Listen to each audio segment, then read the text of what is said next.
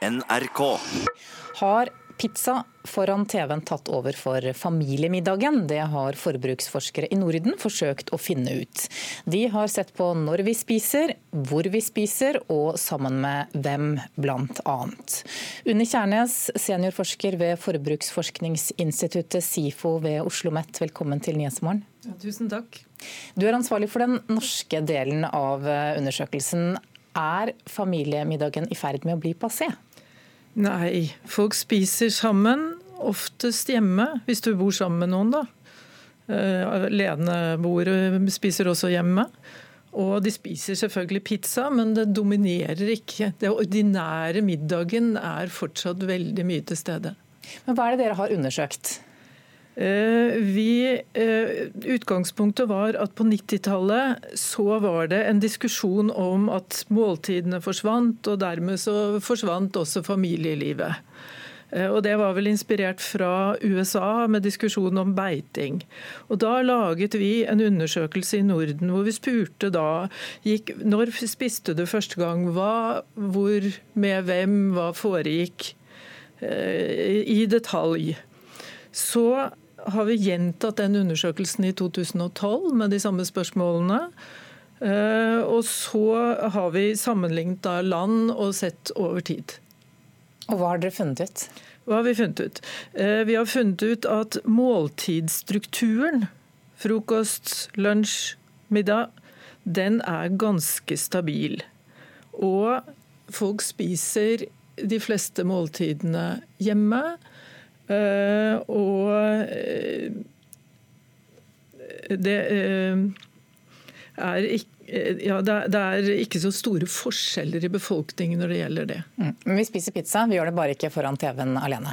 Nei, altså Av og til eh, spiser vi pizza også og foran TV-en, men det dominerer ikke. altså Hverdagsmåltidet er der. Lunsj spiser vi da der vi er, på jobb, skole hvis vi er der og matpakka består. Men Hva er det som har forandret seg da, i løpet av disse årene som dere har sammenlignet? Ja, Det er jo noen ting som har forandret seg. Altså, vi spiser ikke akkurat de samme matvarene, selvfølgelig. Eh, men eh, en interessant endring er at menn lager mer mat nå enn de gjorde i 97. Og kvinner og menn er litt mer enige nå om at hvem som har laget maten. Ok, Har du noen teori om, om hvorfor menn lager mer mat? Altså det er vel en del av en sånn generell likestillingsprosess. Eh, dessuten så kan man jo spekulere på om f.eks. dette med pappaperm har gjort at menn blir mer vant til dette her med sånn hverdagsrutiner og hva som skal gjøres hjemme, ikke bare grilling. Eh, og i 97 så var det veldig store sosiale forskjeller, så, så, menn fra høyere lag de laget mat da også, men nå er det disse forskjellene blitt veldig mye mindre. Du var innom dette med matvarer. Uh, ulike dietter f.eks. Påvirker det hva vi spiser? Jeg tenker Tacoen har jo også gjort uh, sitt inntog på norske fredagskvelder. Ja, selvfølgelig har det det. Vi har ikke sett så veldig mye på det. Vi har uh, sett noe på det. Og, men det som er, er at uh, selv om du da spiser taco på fredag, barnefamilier spiser taco på fredag, så blir det statistisk ikke så veldig stor andel av middagene. Men Hvor stor er forskjellen mellom de nordiske landene? da? Eh, de forskjellene eh, mellom land er eh, altså Måltidsmønsteret sånn på den måten er ganske likt og stabilt. Men en viktig forskjell er at det går et skille langs kjølen. Og i Finland og Sverige der spiser de varm lunsj, og det er veldig viktig med denne varme lunsjen, og det er det som er sunt. I Danmark og Norge spiser vi brødskiver til lunsj, og da lærer alle at det er det som er sunt. Det er veldig viktig, det òg. Ok, Så matpakka består? Matpakka består. Unni Kjernes, takk for at du kom hit til Nyhetsmorgen.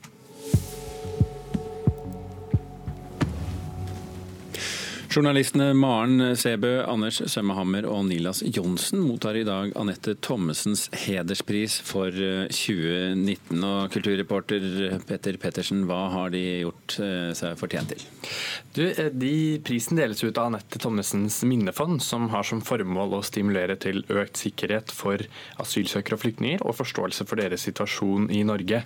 Og Begrunnelsen for prisen er at de tre journalistene har gitt en stemme da, til disse menneskene på flukt og at de bringer fram viktig informasjon om konsekvenser av norsk politikk og situasjoner for enkeltmennesker på flukt. Ja, så er det minst en av dem i hvert fall, som kritiserer dekningen av Afrika? Det er det. Eh, journalist og spaltist eh, Maren Sæbø sier til Dagsavisen i dag at hun mener norsk presse har fordumma dekningen av Afrika. Og hun mener kontinentet dekkes fra et utviklingsperspektiv fortsatt, og at ikke politikk og økonomi dekkes på samme måte som andre steder i verden. Og at da man i større grad må ta dette kontinentet også på alvor. Da. Mm. Sceneskift. A whole new world. A new fantastic point of view. No one to tell us no or where to go or say we're only dreaming. Det er mange som uh, lener tankene sine til filmen 'Aladdin' her, og det gjør de selvfølgelig eh, rett i. Og dette er jo da en nyinnspilling som går på kino nå. Drar inn store summer for Disney. Ja, NTB melder at filmen ligger helt i toppen over filmene som har tjent mest penger under det som er Memorial, Memorial Day-helgen i USA. Eh, den helgen som vi har lagt bak oss nå. Der ligger den an til å dra inn 900 millioner dollar i løpet av de fire dagene. Da. Eh, og I tillegg så har filmen tjent inn over en milliard kroner utenom USA i løpet av sin første uke på kinolerretet. Mm, så eh, til smell på skiva for Disney også i det videre. Eh, Petter Pettersen, takk eh, skal du ha. Eh, ikke så mye penger i Festspillene i Bergen, kanskje, men De er i hvert fall i full gang. Det er i full gang. I Bergen. Og nylig åpnet det som gjerne omtales som årets viktigste separatutstilling, nemlig Festspillutstillingen i Bergen kunsthall. Kunstkritiker her i NRK, Mona Pali Bjerke, hva slags utstilling er denne Festspillutstillingen? Ja, Det er som du sier regnes som den viktigste separatutstillingen. Og det er den mest prestisjetunge oppgave en kunstner kan få her hjemme. Så, og da er man liksom, I det året man er Festspillutstiller, så er man på en måte en representant for hele den norske kunstnerstand. En nasjonal kunstner, på en måte. Så det er veldig veldig stor stas, selvfølgelig. Og så er dette utviklet seg da fra 1953, da det ble opprettet med Festspillene til å bli en slags midtlivsretrospektiv. Altså en utstilling der en ikke altfor gammel kunstner vises. Altså en som er midt i karrieren. Vi har hatt i de siste årene Anjort Guttu, vi har hatt Gardar Eide Einarsson, Torbjørn Rødland. Eh, men også eh, noen unntak, da, sånn som Tone Vigeland og Jan Groth, som er eldre. Men fordi de da, man har argumentert med at de allikevel er i en aktiv, skapende del av karrieren. For det er viktig i denne utstillingen at man står midt i sitt liksom, kanskje mest skapende fase. I år er det kunstneren Mari Slåtteli som har fått denne æren.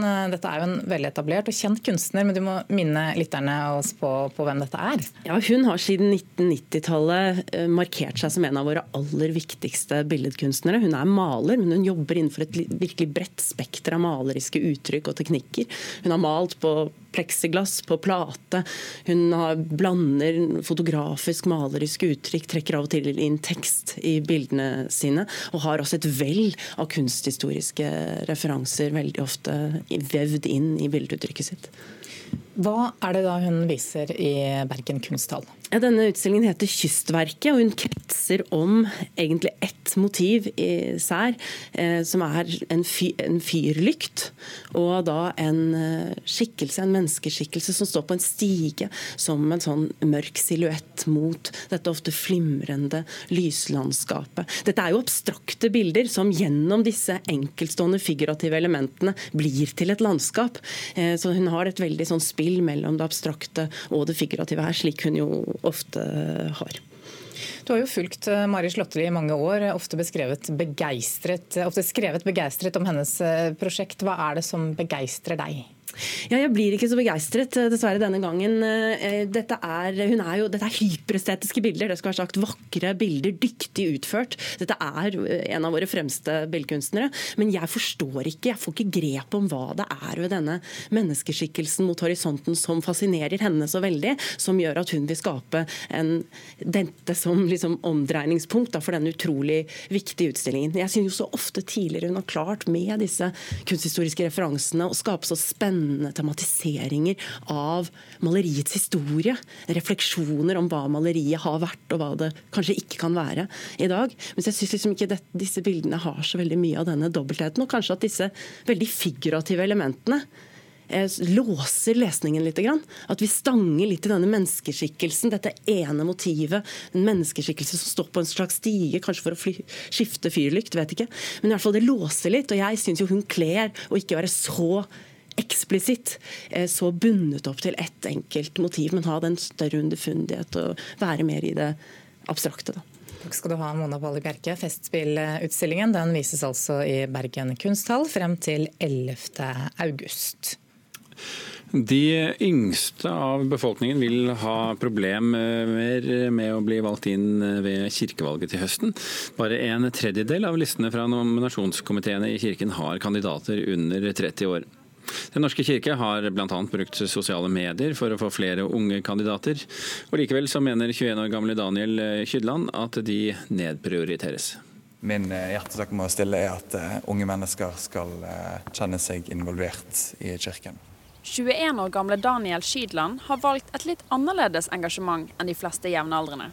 Han stiller til valg i Den norske kirke i september. Men veien som ungdomskandidat er ikke uten hindringer. Det er for få unge på listene til bispedømmerådevalget over hele landet. De unge på listene har blitt nedprioritert på hvilken plassering de har fått. Kydland står på nominasjonskomiteens liste fra Bjørgvin bispedømme. Og det er komiteen som bestemmer hvilken plassering han skal få på listen. På nominasjonskomiteens liste så den jeg står på, så er det tre av 13 som er under 30. Der en har fått tildelt 13.-plass, som er altså sisteplass, 11.-plass og sjetteplass. Hvis jeg eller noen andre av de som er 30 eller yngre skal opp på listen, så må en få mer enn 5% av personstemmene. Som til syvende og sist vil si at den plasseringen som nominasjonskomiteen har gitt oss, har ganske mye å si. I og med at vi har eh, tre lister i Bjørgvin, så bør en nok være på en fjerde-femteplass hvis en ikke er litt godt kjent. Hvis du er veldig langt nede på listen, så er sjansen liten for at du blir valgt inn? Ja. Det sier Åsmund Kvamme, som leder nominasjonskomiteen i Bjørgvin. Vi hadde lange runder på akkurat det med alle de forskjellige hensynene vi skulle ta. Altså Vi hadde de lovpålagte med kjønn og alder, men så hadde vi alle andre med distrikt og erfaring og sånn. Så vi hadde lange diskusjoner om det. For en liste må oppfylle en del krav for å bli godkjent. Kvamme mener at alle hensynene komiteen må ta, er litt av grunnen til at unge havner langt ned. Men jeg er ganske sikker på at det kommer inn ungdommer, ja. Fordi at vi har tre lister, og jeg vet at det er ungdomskandidater høyt oppe på iallfall ei anna liste. Her er vi også ungdomsrommet. Så her har vi eh, både airhockey og eh, spill. Det er jo få unge mennesker i kirken. Det er sånn generelt eh, er jo det ingen hemmelighet. Det jeg tror, er at hvis flere unge blir valgt inn, så kan de ytterligere være med og stimulere til at flere opplever seg involvert. Jeg eh, setter stor pris på at det er ungdommer som kan utfordre oss, og oss det er vel også over 50 ca. Men likevel også blir det jo en overvekt med godt voksne kandidater, da, mest ja. sannsynlig? Ja. De unge er fremtiden. Det gjelder òg for Kirken. Ja, Det sa Daniel Kylland. Reporter var Hanne Eskeland.